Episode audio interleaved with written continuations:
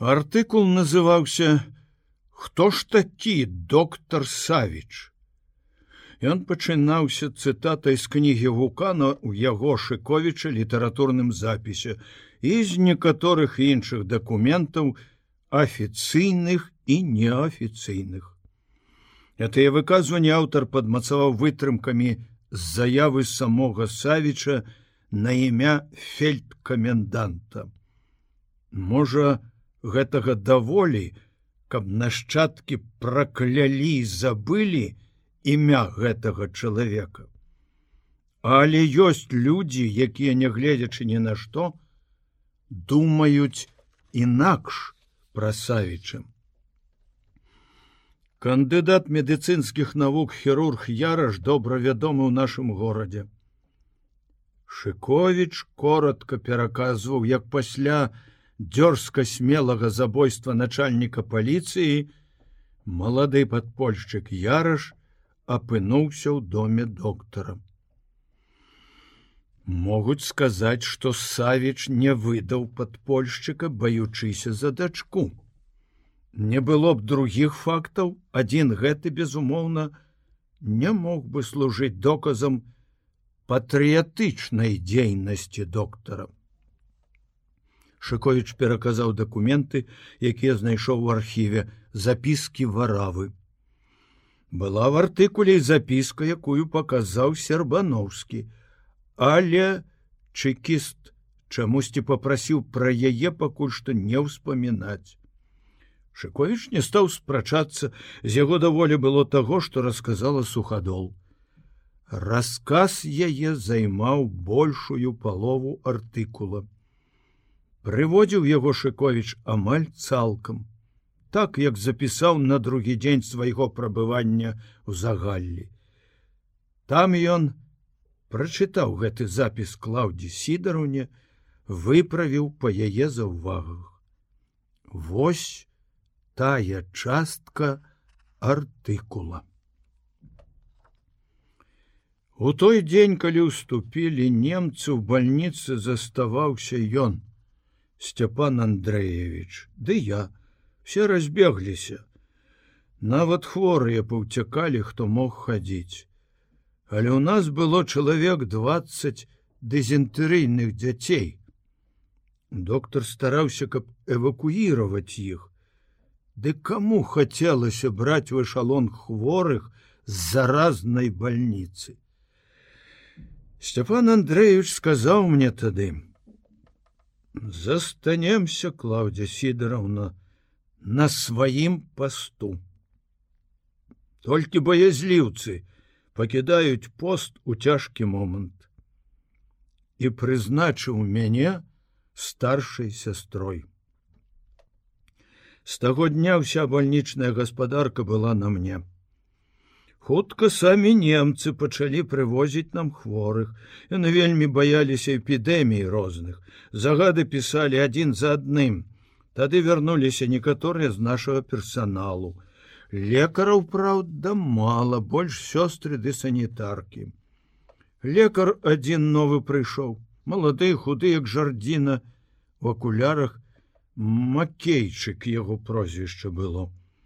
Да я адразу ўбачыла, што ў хваробах ён нічога не разумее і вельмі баіцца хворых, каб не заразіцца, сказала я про гэта савічы а ён мне в адказ не звяртайце увагі на значэнні яго сам буду правяраць вам раю асцерагайцеся гэтага чалавека нічога не выказвайце пры ім тады я раскумекала что да чаго і что это за гліста такая у нас завялася а неяк увосень ужо выклікае мяне савічы кажа вось і дарона штат ваш папаўняю бачыце якія хлопцы? Хлопцы добрыя двое адразу бачу. Не абкружэнцы а абкружэнцы былі ўжо ў нас скурады косці которых мы лічылі которых просто подкармлівалі а гэтыя абодва у целе. Толькі адзін лёша бараду адпусціў у другога вані. Дык яна мабыць не расла яшчэ. Чаго гэта думаю такія хлопцы да нас у заразную пруцца? Дурні. Праўда лёша гэты як адкрыў рот.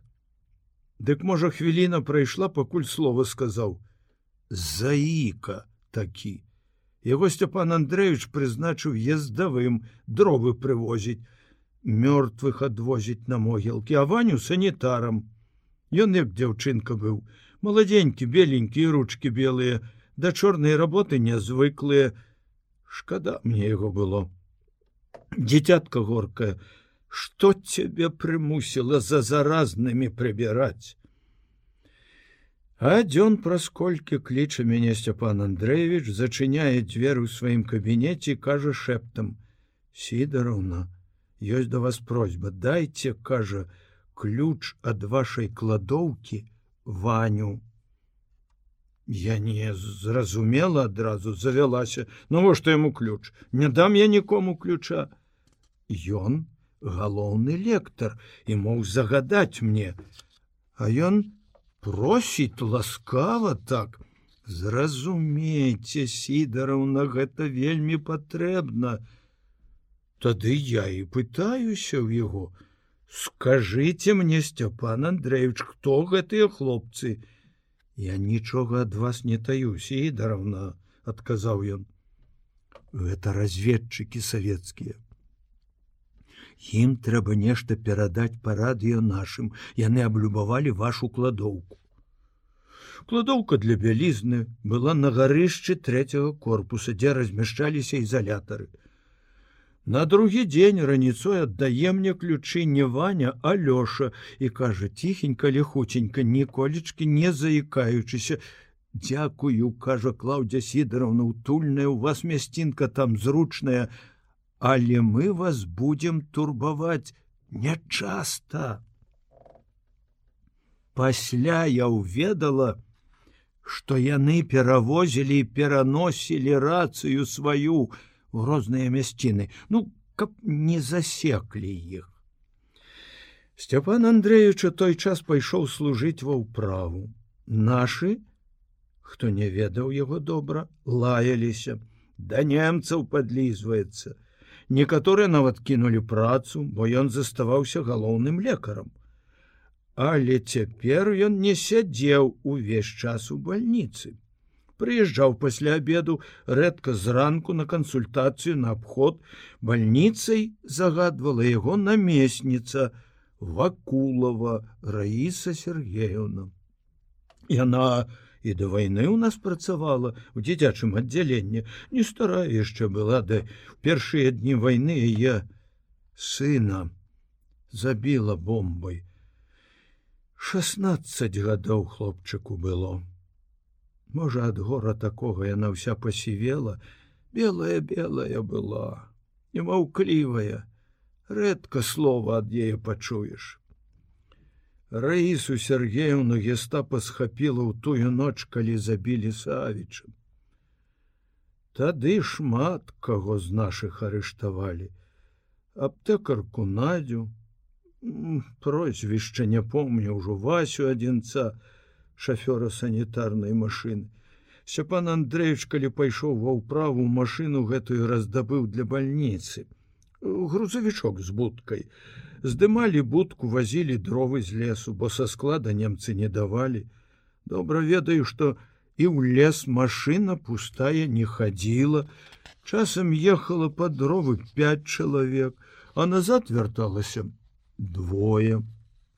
Хто ўцякаў з лагера, прытулак у нашай больніцы меў ачуняе подкорміцца чалавек і ў лес я таким вопратку знаходзіла купляла выменьвала мяне аднойчы сама раіса сергеевна попрасила купіць 10 ватовак грошы дала.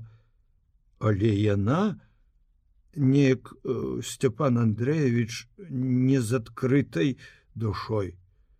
Яна быццам і не давярала мне асцерагалася мне гэта прызнаюся крыўдна было Сцяпан Андреевич вонь каго мне даверыў разведчыкаў Да і не толькі разведчыку адной чувася прывёз у машыне хворага лысага чалавека з вясёлымі вачами прывёз тады калі савіч у бальніцы быў. З машыны яго ссаджвалі падручкі вялі як на праўдашняга хворага а паклікаў мяне Степан Андреевич да сябе гляджу хворы гэты ходзяць па кабінеце гладзіць лысіну весело смяецца подміргвае доктор таксама усміхаецца трэба кажа клаўдзя сідаровна гэтага хлопчыка памясціць у бокс у дзіцячае аддзяленне.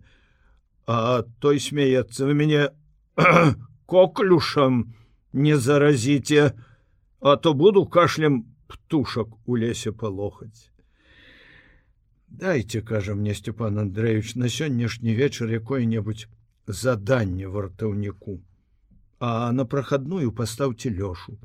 Няхай падзяжурыць гэтак жа зрабіце сястрой ну вы думаете якую-небудзь прычыну а самі падзяжурыце за яе я ўсё зрабіла як трэба у той вечар яны доўга раіліся ў працэдурнай лысы Степан Андреевич раіса Сергеевна Вася адзінец і яшчэ тры ці чатыры незнаёмыя мужчыны, якіх прапусціў лёша. Я хочу перапыніць расказ клаўдзі сейдароны, каб паведаміць чытачам, што пракоп варава камандзір пасля камісара атрада імя Чапаева, запіскі якога я знайшоў в архіве, быў лысы і вясёлы чалавек, як расказваюць тыя, хто яго ведаў асабіста. Гэта дае мне падставы меркаваць, што на нараду з падпольшчыкамі прыходзіў нехто іншы як варава. Памер газетнага артыкула не дае магчымасці прывесці расказ Клаўдзі сідроны сухадол цалкам дэталёва. Яна расказала, што, недзе ў пачатку 42 -го года загінулі лёша і ваня. Прозвішча аднаго з іх было калуноў але которого жанчына на жаль не помні ды наўрад ці было гэта сапраўднае прозвішча. Іх схапілі на могілках.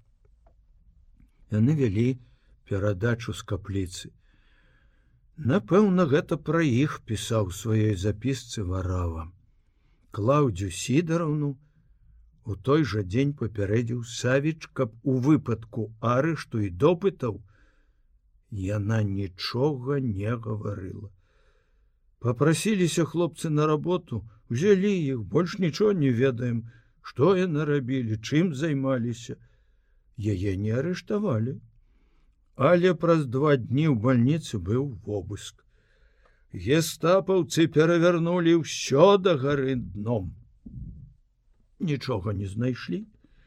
Але ў часе ператрусу лекар макейчык, ну той самы, якога лічылі за фашысцкага агента, замест спірту э, да спірту ён часта прыкладваўся, выпіў шклянку кіслаты. Знарок ці выпадкова невядома. Пасля гэтага, як расказвае суходол, ёй доўга не давалі ніякіх даручэнняў. Увогуле ёй здавалася, што Ісавіч і Вакулава прыціхлі. Нават палонных больш не перапраўлялі за горад. Толькі Вася колькі разоў браў у яе прасціны і марлю. Пасля яна зноў пачала выконваць розныя, як сціпла кажа гэтая жанчына дробныя даручэнні. Узяць да сябе дзяўчыну і выдаць за пляменніцу, да некага схадзіць, нешта схаваць, нешта перадаць, ну і гэтак далей. Пасля забойства доктара яе не арыштавалі разам з другімі, але тры разы выклікалі у СД і хітра распытвалі пра ўсіх, больш пра вакулаву і васю, менш пра савіча. Дзіўны лёс гэтай жанчыны пасля вайны. У наш час, пасля два з'езда, Пра гэта нельга не сказаць. Пасля вызвалення горада яна зайшла в одну установу да высокага начальніка і шчыра рассказала яму ўсё, што ведала пра падпольную дзейнасць Савіча і вакулавай. Яе уважліва выслухалі.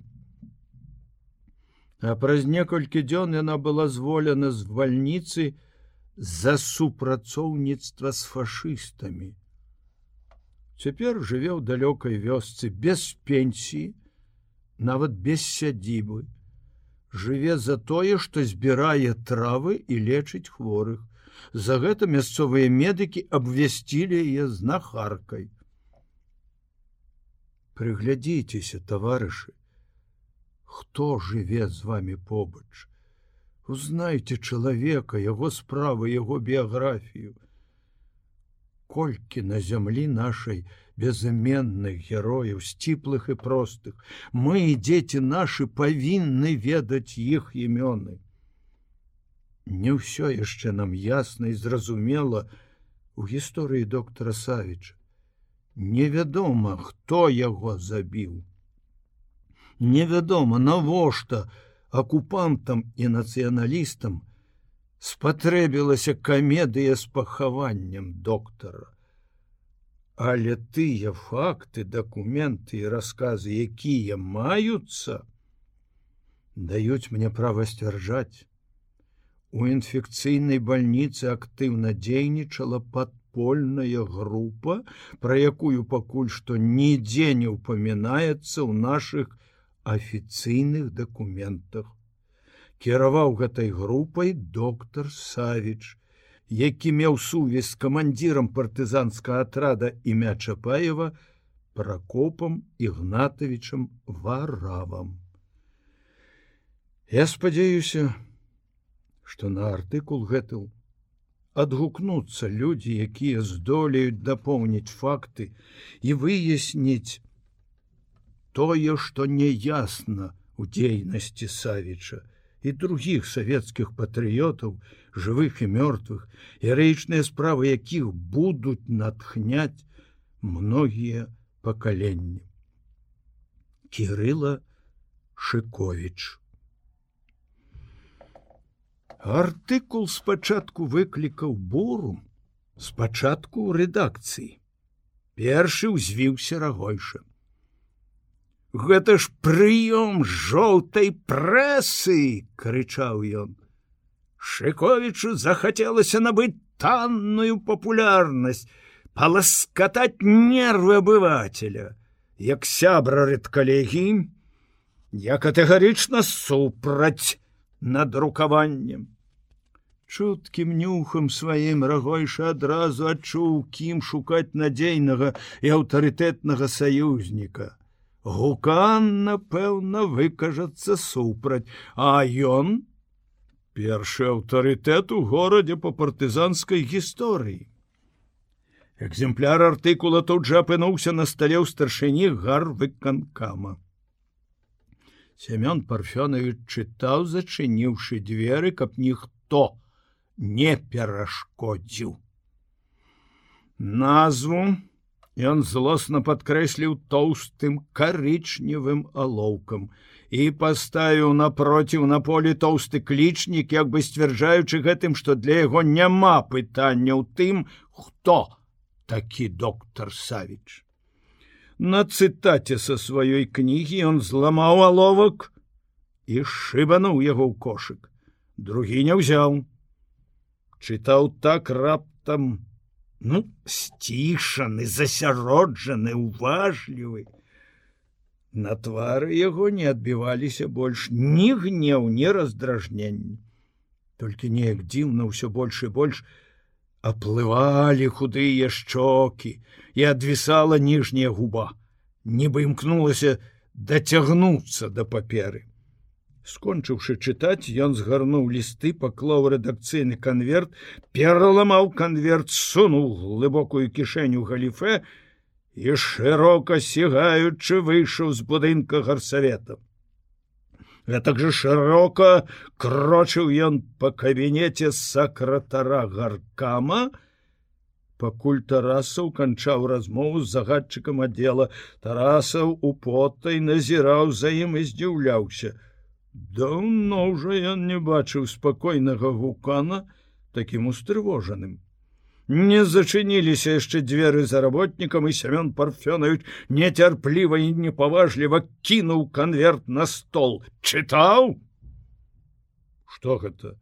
Тарасу выцягнуў з канверта артыкул, глянуў, падумаў: А Во што цябе чамусьці зманіў.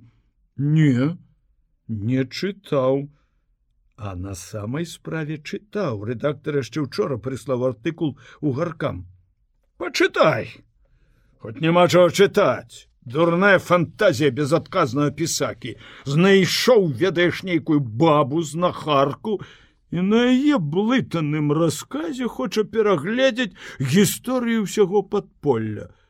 Няўжо ўсяго, як бы здзівіўся тарасаў, праглядаючы бегла артыкул. Хоча абяліць таго, хто сам сябе аж чарніў. Адкрыватель знайшоўся. Але ж не ў гэтым сутнасць. Гісторыя ёсць гісторыя. Шыковіч яе, не рабіў нешыковічу яе і перарабляць тут небяспечная сама тэндэнцыя я табе папрок кіну Сергей Сергеевич патураеш ты яму а ён з тых хто лічыць што калі партыя развянчала культ сталина значыцца трэба ўсё перавернуть да гары нагамі. Тэндэнцыя безумоўна шкодная згадзіўся тарасаў, праглядаючы апошнюю старонку артыкула, а потым узняў галаву, глянуў на вулкана і сказаў: « Але я не бачу лагічнай сувязі. Прычым тут гэтая тэндэнцыя да таго, што Шковіч хоча даказаць, ды амаль даказвае, што ў бальніцы была падпольная група ты цвёрда ведаеш что яе там не было? Гукан шумна сеў з боку стола ляпнуў сябе далоней по грудях. Ты не ў гэтым справа Сергей Сергеевич! Тут галоўнае метад! При такім метадзе пошукаў любы фашысцкі паслугач можа цяпер аб'явіць сябе падпольным дзеячам. А хто тут аб'яўляе? паклаў на артыкул руки тарасаў. Ты хаця б баба гэтая сухадол голос сакратара гаркама раптам стаў жорсткі дзе ж яна служыла у заразнай больніцы і рэзка падняўся але мабыць спалохаўшыся што можа сарвацца дастаў папяросу запаліў сказаў прымірэнча не гарачыся семён парфёнович а то як бы нам не вярнуцца да старой тэндэнцыі якая таксама немала не шкоды нарабіла. Гукан зразумеў, што Тарасаў знаёміўся з артыкулам раней. Не мог ён так бегла прагледзеўшы запомніць прозвішчы абставіны. Ясна. Шковічу згадняў з ім. Цвер безумоўна Тарасаў, буду падтрымліваць яго з ім не дамовіся трэба ісці вапкам вапкам трэба ісці. Ты пачытай уважліва як ён будуе артыкул. Робіць надзьмутую позу аб'ектыўнага шукальніка. А па сутнасці рэвізуе рашэнні гаркама аб падполлі. Сур'ёзна? Зноў як бы здзівіўся тарасу ну гэта мы поправім поправім Няўжо ён збіраецца друкаваць? Ты что лічыш што гэтую муру можна друкаваць?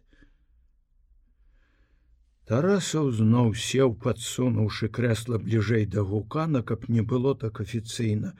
У бок выпусціў дым і пранікліва зазіраючы глыбокія чорныя вочы гукана спытаў па-сяброўску інтымна каб выклікаць на шчырасць.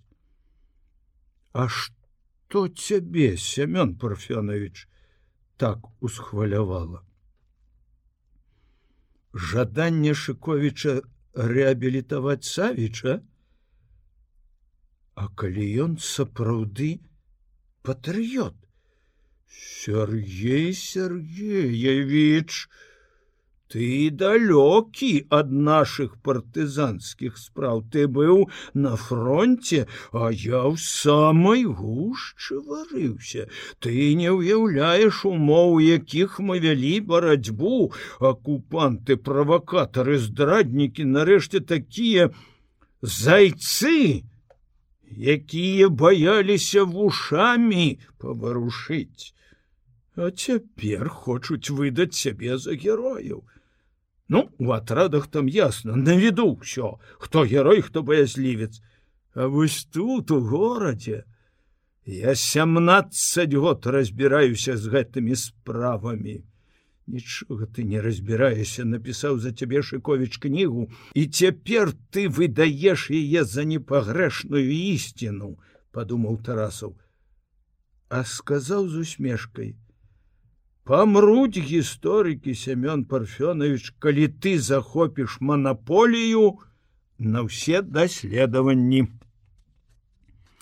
вулкан зразумеў іронію сакратара і яна моцна апякла яго я нажна хіснуўся але зрабіў выгляд что у адваліўся на спінку крэсла прыгладзіў рэдкія валасы адпарыраваў амаль весело ну шыковіча гісторык як з мяне паэт. Тарасу патушыў у попельніцы папяросу адсунуўся разам з крэслам да стола быццам абодва работнікі захацелі разгледзець адзін аднаго з пэўнай адлегласці. А гэта дрэнна, што мы з табой не паэты. На наших пасадах нам трэба быць паэтамі. Не абавязкова, канешне, рыфмаваць, рыфмачоў без нас даволі. А вось мысліць паэтычна, шырока і вобразна, сакратару самому падабалася гэтая нечаканая думка. Ён падняўся да акна з намерам трохі пафіласофстваваць. Але гукан зірнуў на гадзіннік і таксама падняўся. У мяне сустрэча з архітэктарамі. Не хочаш папрысутнічаць архітэктура блізкая да паэзіі не дзякую. Ты ж казаў вы самі не разабраліся яшчэ. Не буду перашкаджаць вам спакойна разбірацца. Дык што з гэтым? Зняважліва кіўнуў гукан на стол, дзе ляжаў артыкул. Пачытаем, падумаем, памяркуем жывіцкаму пазване то чого добрага под націскам напорыстага аўтара не бойся! Без нашай з табой згоды не дадуць! Застаўшыся адзін тарасаў доўга задумліва паліў каля адчыненага акна разглядаючы вуліцу машины прохожых Потым дастаў сейфа нейкі дакумент, пачаў чытаць яго, не сядаючы. Зайшла работніца гаркама высветліць нейкае пытанне. Ён схаваў дакументы шуфляду стола.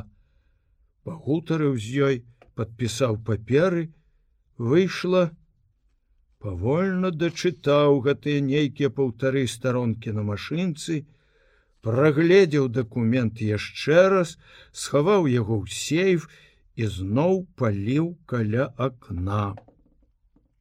Сказаў сам сабе: Этыка даволі такой этыкі! Эх, Сергей Сергей страхуешься! Посаромейся не бойся шышак рашушча падышоў да стола з телефонамі набраў нумар жывіцкі привет. Что гэта ты марынуеш справаздачу аб злёце ударнікаў камуністычнай працы? Завтра? Ух! Аператыўнасць у вас! Шыковіч у рэдакцыі попрасі яго зайсці да мяне спытаў адразу ж як толькі прывіталіся что будем рабіць кирилла васильевич? Трэба друкаваць адказаў шыковіч я ўпэўнены адгыкнуцца десяткі людзей якія дагэтуль маўчалі. Не разумею сергей сергею чаго мы боимся мы нічога не боимся але можа варта яшчэ пашукаць? Такая публікацыя. Даволі распаўсюджаны плённы метод пошукаў тарасаў на хвіліну як бы задумаўся. Потым энергічна падышоў да сейфа адчыніў яго дастаў той дакумент які паўгадзіны назад перачытваў. Хочу показать табе яшчэ один документ это с той папки з якой ты знаёміўся увагена але тады я параіў гэта выняць Кірыла амаль з хваляваннем узяў працягнутыя стандартныя лісты сашчэпленыя і адразу чамусьці глянуў на другую старонку на подпіс. Дакумент быў копія і подпіс як і ўсё іншае надрукаваны на машынцы эсгукан былы камісар партызанскай брыгады імя чапаева сакратар чыгуначнага райкаму партыі дата 16 10 1945 года Гэта была заява ў органы дзяржаўнай бяспекі. Яна пачыналася словамі: Мне стало вядома, што ў горад з Геррманіі, дзе яна прабыла каля двух год, вярнулася дачка ворага народа і здрадніка фашысцкага прыслужніка доктора Савіча С Асавіч Софія Степановна.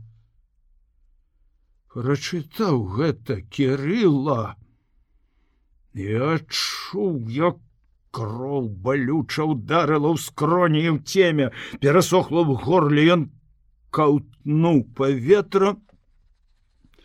Тарасаў як бы углыбіўся ў газету але ў потай сачыў за выразам твару шыковіча ў заяве. Характарызаваўся савіч. Ён не толькі служыў нямецкай управе ён яшчэ выходзіць правакатор меў сувязь з некаторымі падпольшчыкамі з адным з партызанскіх атрадаў з якім не гаварылася. Але ў выніку яго падпольнай дзейнасці адным ну адзін за адным правальваліся і гінулі нашы людзі зрываліся адказнай аперацыі падпольная арганізацыя вынесла здрадніку і правакатару савічу смяротны прысуд.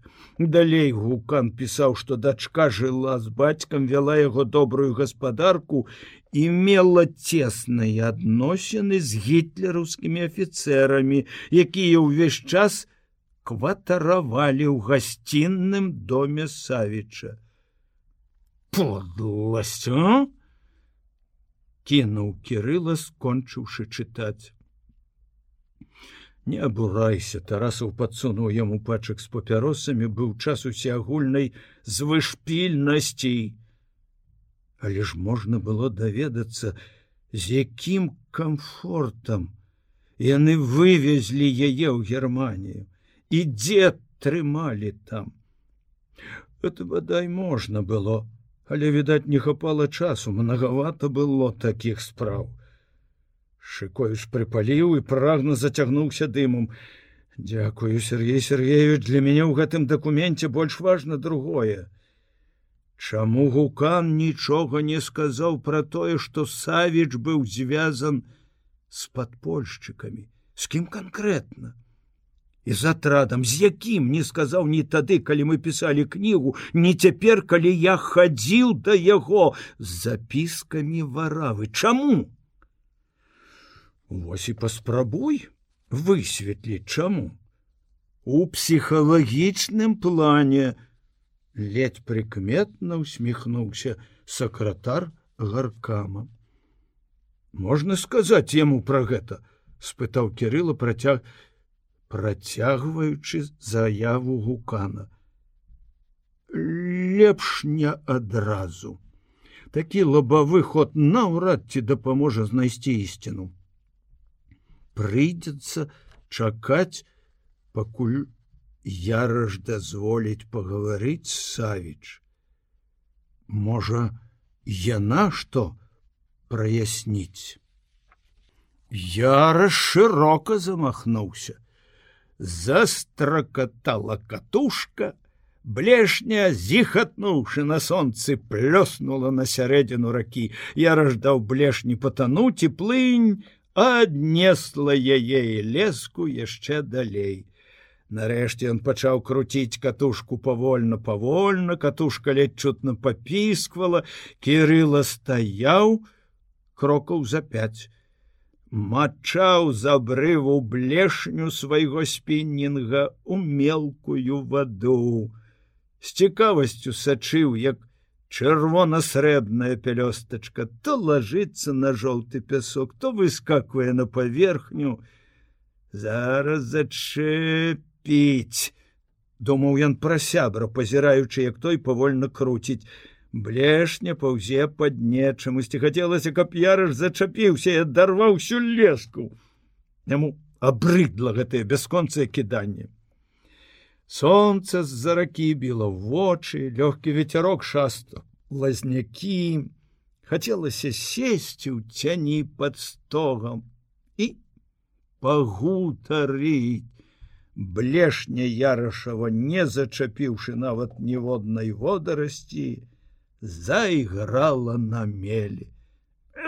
Чорт вылаяўся шыковіч. Я раж зноў гэтак жа прыгожа размахнуўся далёка, закінуў блешню. Зноў моўчкі вёў з той жа задумлівай павольнасцю. Кірыла больш не вытрымаў. Чаму ты маўчыш ну? Я думаю, адказаў, не павярнуўшыся нават Антон Кузьміч. Я, здаецца, пачынаю разумець сэнс таго, што ты робіш. Пасля твайго расказу, Дякуй Богу, нарэшце дайшло да тваіх заспіртованых мазгоў. Ты павінен заўтра ж дазволіць мне пагаварыць з Зосей, не пагнаў яраш блешню шпарчэй не, ты як азартны ігрок. Табе абы хутчэй выйграць, а ў мяне жыццё чалавека. Я ніколі не іграю жыццём. Кирилла размахнуўся і што я сілы не кіну, а пляснуў блешню ў ваду. Ты холодны, што той шчупак. Кіўнуў ён назад, дзе ў травесу таргава раздмухваў жабры, задыхаючыся ад паветра светлы рачны шчупак, злоўлены як не дзіўна шыковічым нечаканая удача сябра распаліла рыбацкі азарт ярыша таму ён і не пераставаў кідаць. Не хваліся ты сваім шчупаком дрэнь шчупачок. Галоўнае все адно дома не поверыць калі я не пацверджу. Да пайшоў ты з кулап канавал мыло охшень мыло пупніў яраш зноў закінуўшы блешню а ты ведаеш что канавал вельмі тонкая прафесія антон ты мяне сваім дурацкім спакоем давядзе что я нап'юся сёння выпі ракі чорт ну дулю ж ты ў мяне з'ес я не юшку і шыбануўшы ў траву спінінг кірыла з ваяўнічым намерам рушыў да шчупака Тады я раскінуўся яму наперез схапіў за руке что ты дурны я ведаю але выкінуть такого шчупака шыкович хацеў подставить ему ножку але антон кузьміч лёгка подняў мяккі пяціпудовік панёс да абрыву. Астуджу я твою гарачую галаву! Чакай чакай вуль на тым перазе людзі! Знарок патану! Цябе пасадзяць! Яраш адпусціў сябра. Яны селі на мяккую атаву звесіўшы ногі забрыву і так ужо сур'ёзна размаўляючы прасядзелі пакуль з неба не палілося ў раку расплаўленае золата захаду